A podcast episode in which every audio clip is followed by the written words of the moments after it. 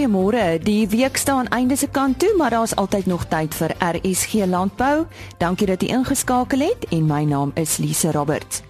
Ons skryf vanoggend terugvoer oor die eerste Summit Wildveiling wat die 1 Oktober in Graafrenet plaasgevind het. En soos beloof op donderdagoggende gesels ons oor bruselose. En dan praat ons met Dr Marita van der Merwe oor die internasionale standaard vir wildsvleis in Suid-Afrika. Onthou indien enige van ons onderhoude of programme misgeloop het, besoek gerus die gewone RSG webtuiste www.rsg.co.za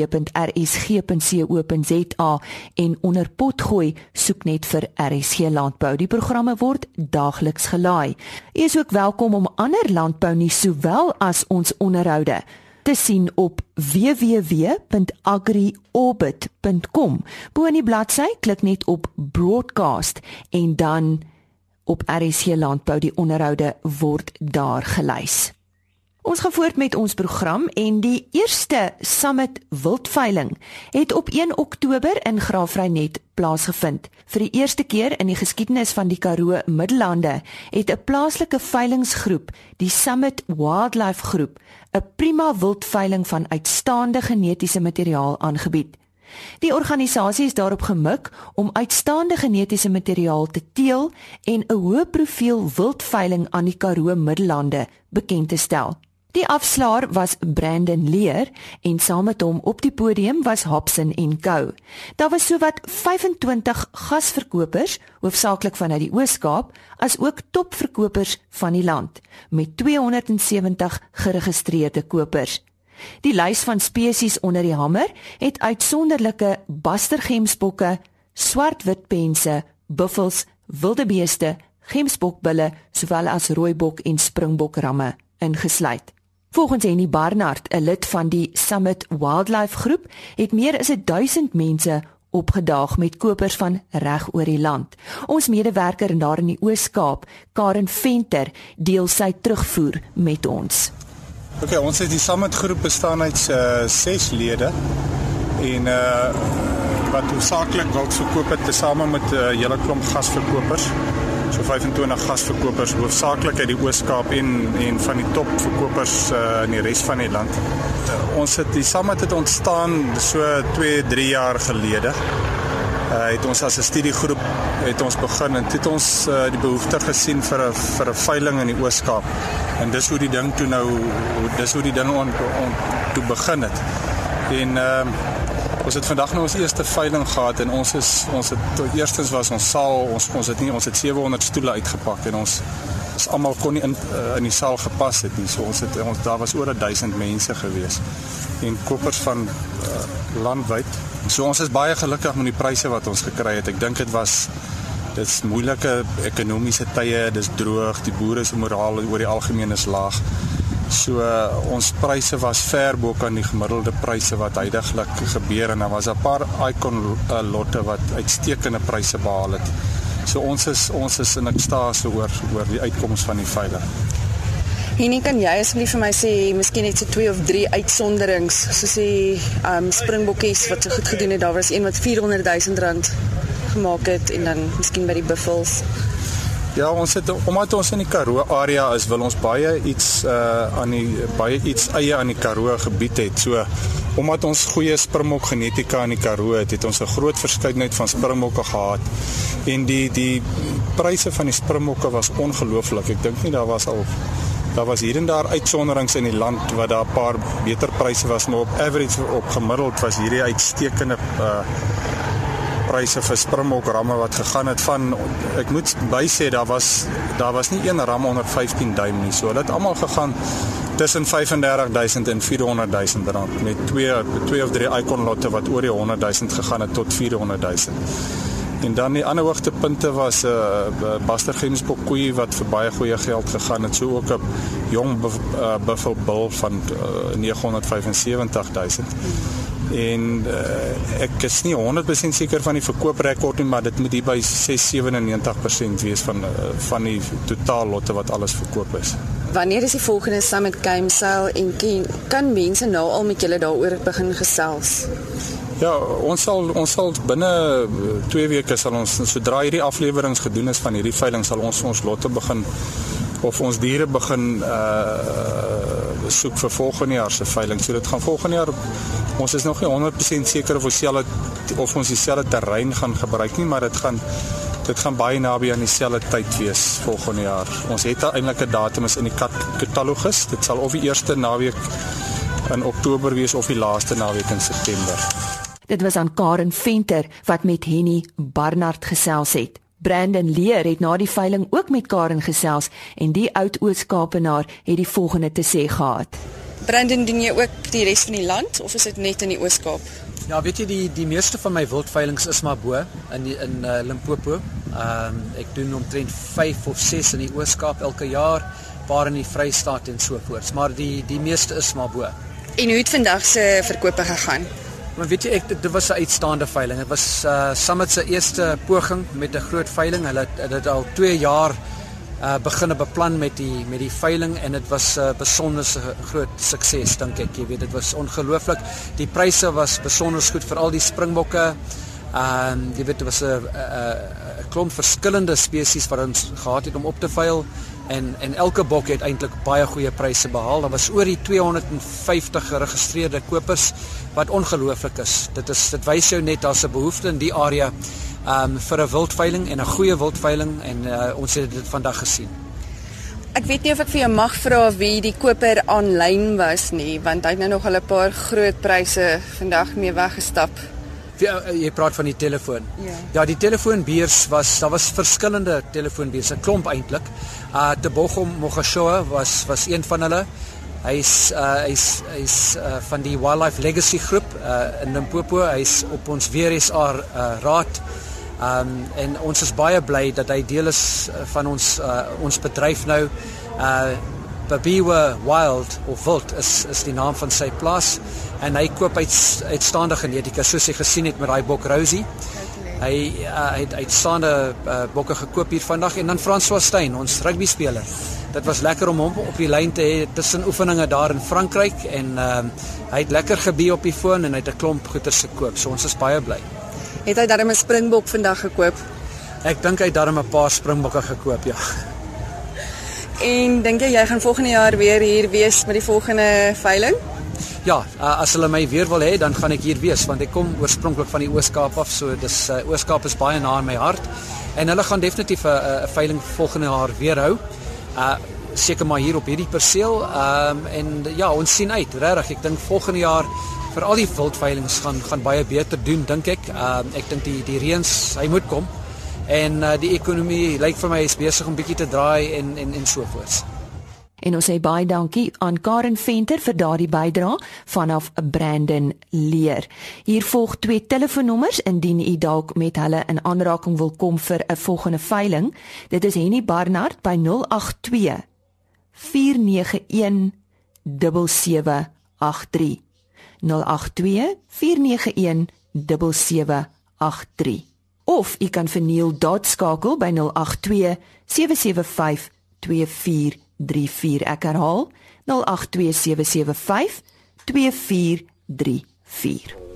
Nou ja, soos jy weet, eh, praat ons elke donderdag oor eh, brucellose. En uh, vanoggend praat ons met dokter Alicia Kloete oor presies wat is die siekte self? Waaroor uh, praat ons eintlik as ons sê ons praat oor beesbrucellose? Wat is beesbrucellose presies, Alicia? Ehm um, goeiemôre aan alle luisteraars ook. Ehm um, basies ons fokus in Suid-Afrika is op beesbrucellose wat veroorsaak word deur 'n bakterie Brucella abortus wat 'n kroniese bakterieële eh, siekte is. Dit affekteer hoofsaaklik beeste, maar enige soogdiere insluitend mense kan ook geaffekteer word. Met jou hoofsigbare tekens in geïnfekteerde beeste wat aborsies is, die geboorte van swak kalwers, asook gewigs gewrigsprobleme. Die siekte staan ook onder boere bekend as besmetlike misgeboorte of BM. So wanneer 'n geïnfekteerde koe aborteer en selfs as sy normaal kalf, stel sy miljoene bakterieë in die omgewing vry wat dan ander beeste, diere en mense ook kan siek maak. Soos enigiemand of dier in kontak kom met hierdie bakterieë, kan dit tot infeksie lei. Die geïnfekteerde koeie skei ook die bakterieë in hulle melk af en sodoende kan mens en dier die bakterieë inkry indien die melk nie gepasteuriseer word voor gebruik nie. Nou, hoekom is die siekte so belangrik? Ehm um, die siekte is belangrik omdat dit jou kuddeproduksie en gesondheid beïnvloed, asook omdat dit 'n dit 'n zoonotiese siekte is wat mense kan siek maak en basies kan dit grootskaalse skade rig aan die produktiwiteit van jou kudde. Daar is ook geen effektiewe behandeling vir die siekte in beeste nie. En as 'n koe eers positief toets, is hy vir die res van haar lewe geïnfekteer en 'n potensiële bron van infeksie vir ander diere en mense. Jou verskalwers wat lewendig gebore word van positiewe koeie dra vir alle hoë risiko. Hulle toets tipies aanhoudend negatief totdat hulle gekalf of geaborteer het. Dan is daar reeds miljoene bakterieë vrygestel wat die siekte versprei voordat jy haar nog kon optel as positief. Uh die die, die sogenaamde kudde siekte, wat word daarmee bedoel? Kabees brucellose word beskou as 'n kudde siekte, aangesien dit nie net individuele koeie in isolasie affekteer nie. Die inkubasieperiode van brucellose kan van weke tot vele maande duur, ehm um, voordat die dier siek word of self begin bakterieë uitskei vandat sy blootgestel is. Omdat beeste met brucellose nie andersins siek vertoon nie, besef mense nie altyd dat die siekte reeds in die kudde is voordat dit te laat is nie. Hierdie geïnfekteerde koeie kan potensieel 'n hele kudde aansteek as hy geboorte gee of aborteer en die res van die kudde dan in kontak kom met die gesmet besmette geboorteweefsel en vloeistowwe. Dis as een bees positief toets in 'n kudde word die hele in kontak kudde as positief beskou totdat dit andersins bewys kan word. Die rede hiervoor is dat die geïnfekteerde bees vir weke tot maande mag negatief toets tydens die inkubasieperiode van die siekte. So die siekte kruip dus weg in so 'n bees wat 'n baie gevaarlike situasie skep vir die res van die kudde. En, en uh, wat sê die wet oor die siekte? Gebees brucellose is 'n staatsbeheerde siekte onder die diere siektewet wet 35 van 1984. So dit beteken ook dat enige verdagte en positiewe geval aan die staatsveeartskantoor van die area gerapporteer moet word volgens wet. Inenting van alle verse tussen die ouderdom van 4 tot 8 maande teen brucellose word vereis onder die regulasies van die diere siektewet en dis basies om die immuniteit van ons land se kudde te bevorder. Verder word die siekte beheer onder die bees brucellose skema van 1988 en hierdie skema dui dui aan watter beheermaatreëls gevolg moet word om die siekte te bestry. En neem ook aan ag en ag dat seksie 11 van die diere siektewet dit baie duidelik stel dat eienaars van diere verantwoordelik is om hulle diere gesond te hou, asook om te voorkom dat enige teenwoordige siekte na ander diere toe versprei. So die primêre dieregesondheid begin by die eienaar van diere en net so is die geval met brucellose.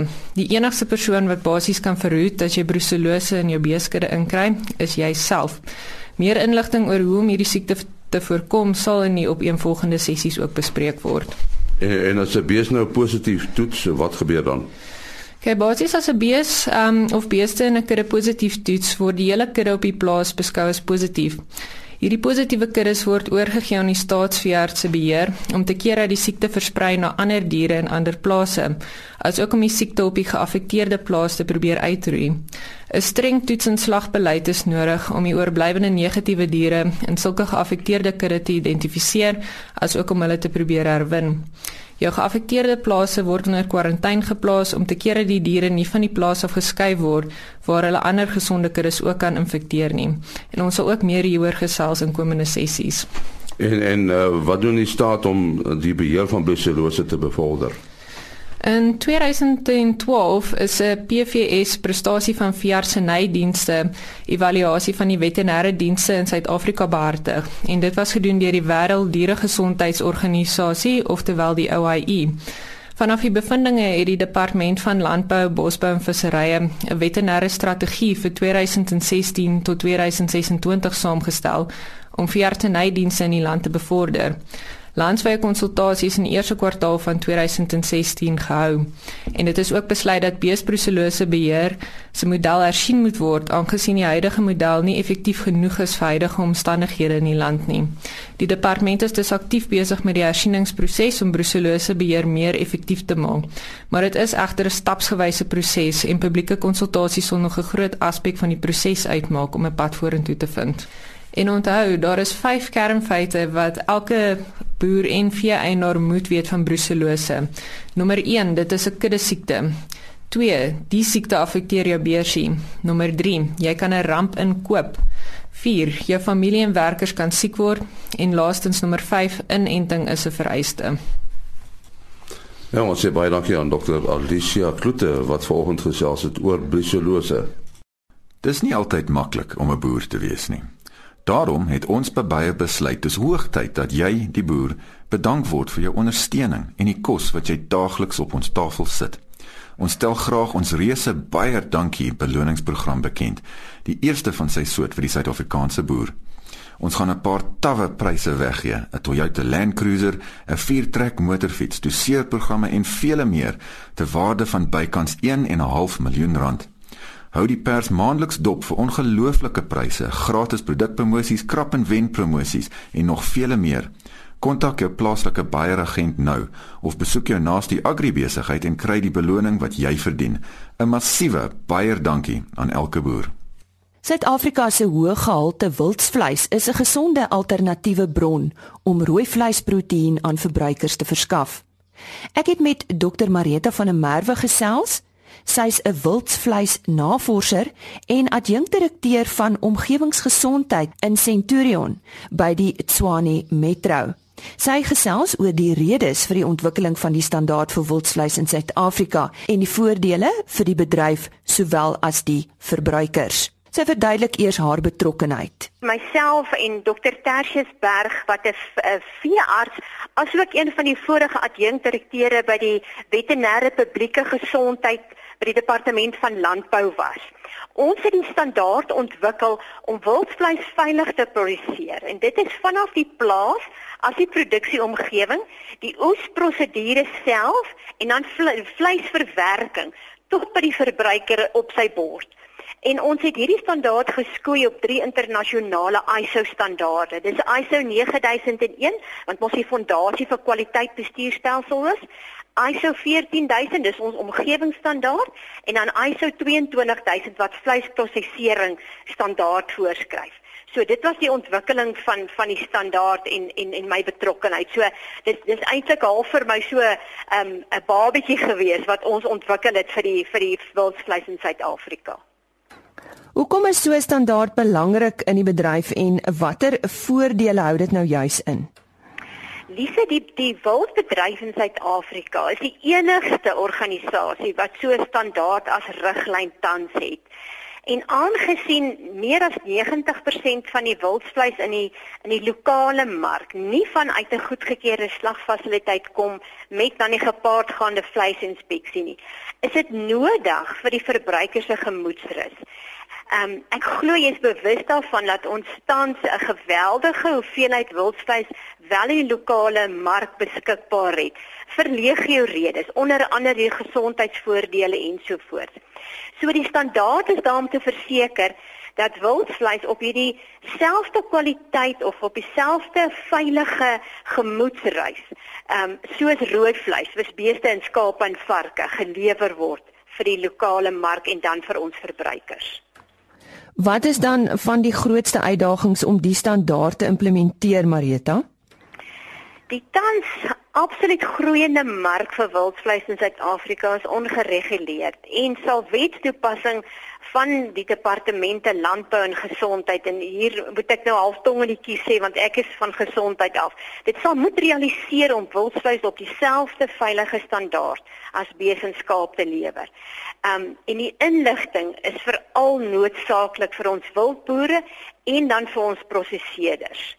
Beteken dit dat uh, wildplaas eienaars nou hulle eie slaggeriewe kan registreer as 'n goedgekeurde abattoir? Lise wildplaas eienaars kon nog altyd onder die rooi vleisregulasies hulle plase abattoirs geregistreer gekry het.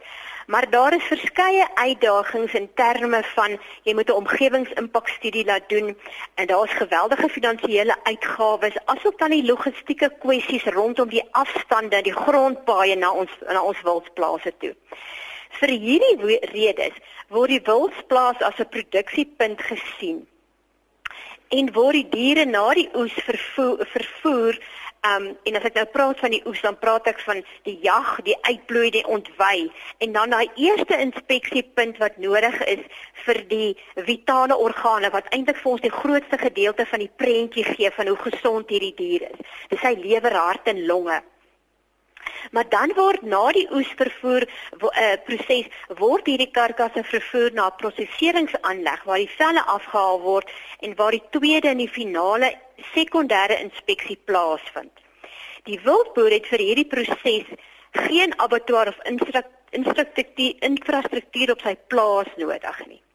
So die die belangrikheid van hierdie standaard is dan ehm um, dat die dat die fasiliteit op die plaas nie noodwendig die die ultimum moet wees om te kan voorsien aan die lokale mark nie. Ek ons gesels 'n bietjie oor die vleisinspekteur. Moet hulle dan spesiaal opgelei word om wildkarkasse te mag inspekteer en veilig te verklaar? Die standaard van vleisinspeksie of dit kom ons sê die wêreldstandaard skryf 'n spesifieke metode voor. Maar ons moet onthou dat wilddiere of kom ons sê die prentjie oor al die spesies van die van die wilde diere manifesteer verskille verskillend.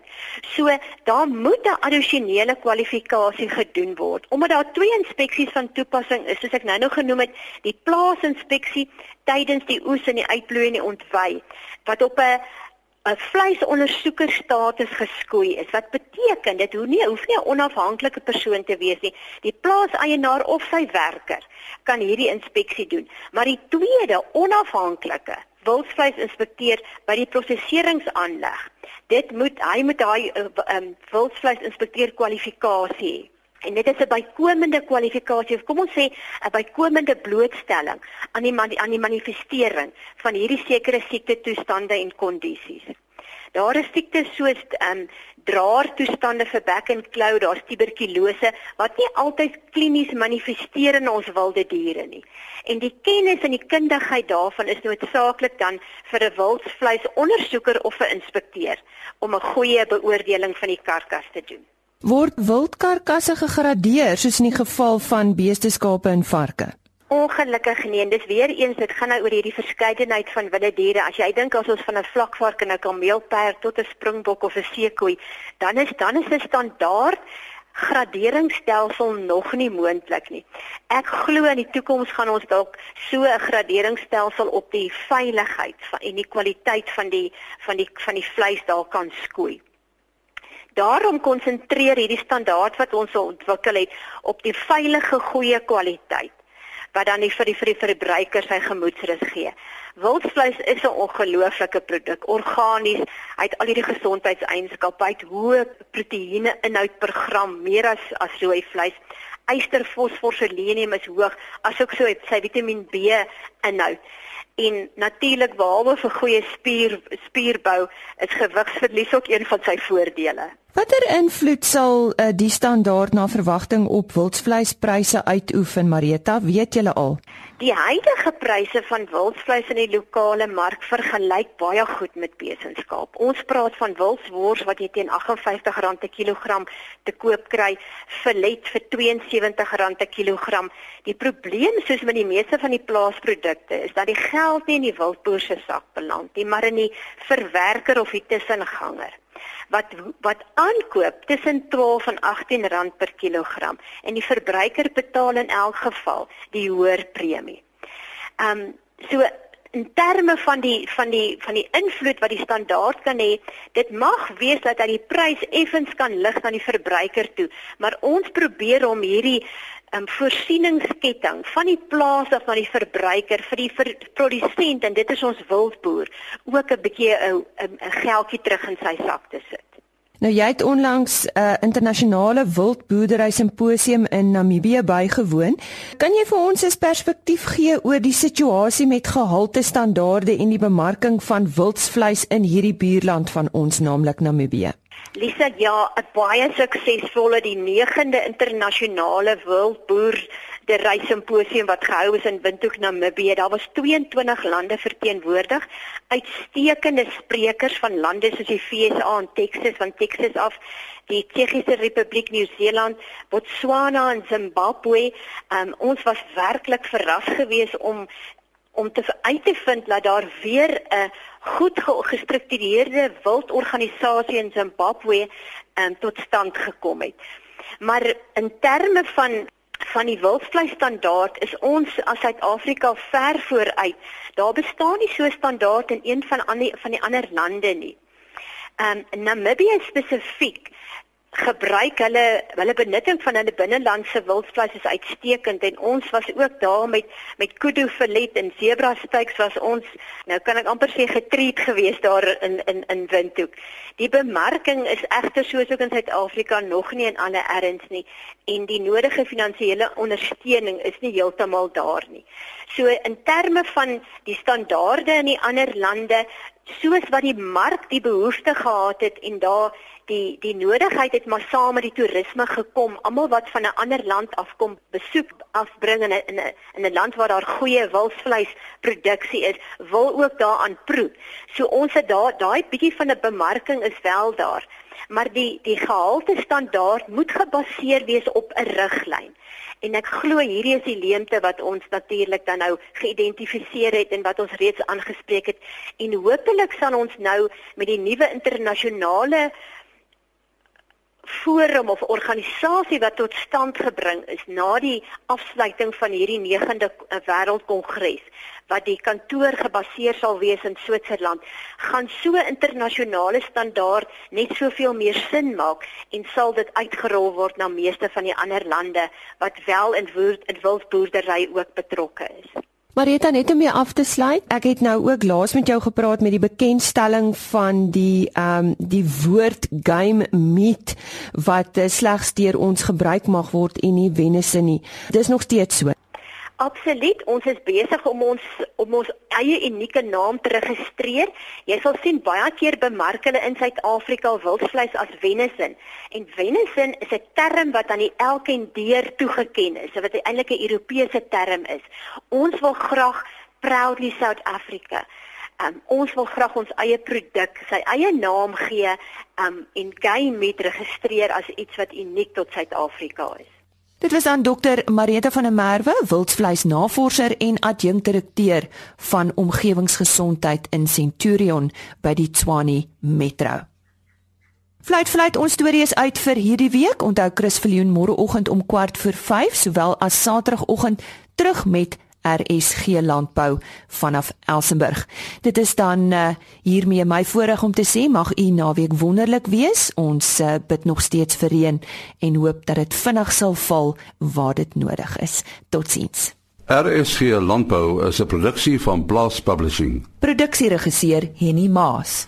Aanbieding Lisa Roberts. En uitskoördineerder Martie Kerstyn.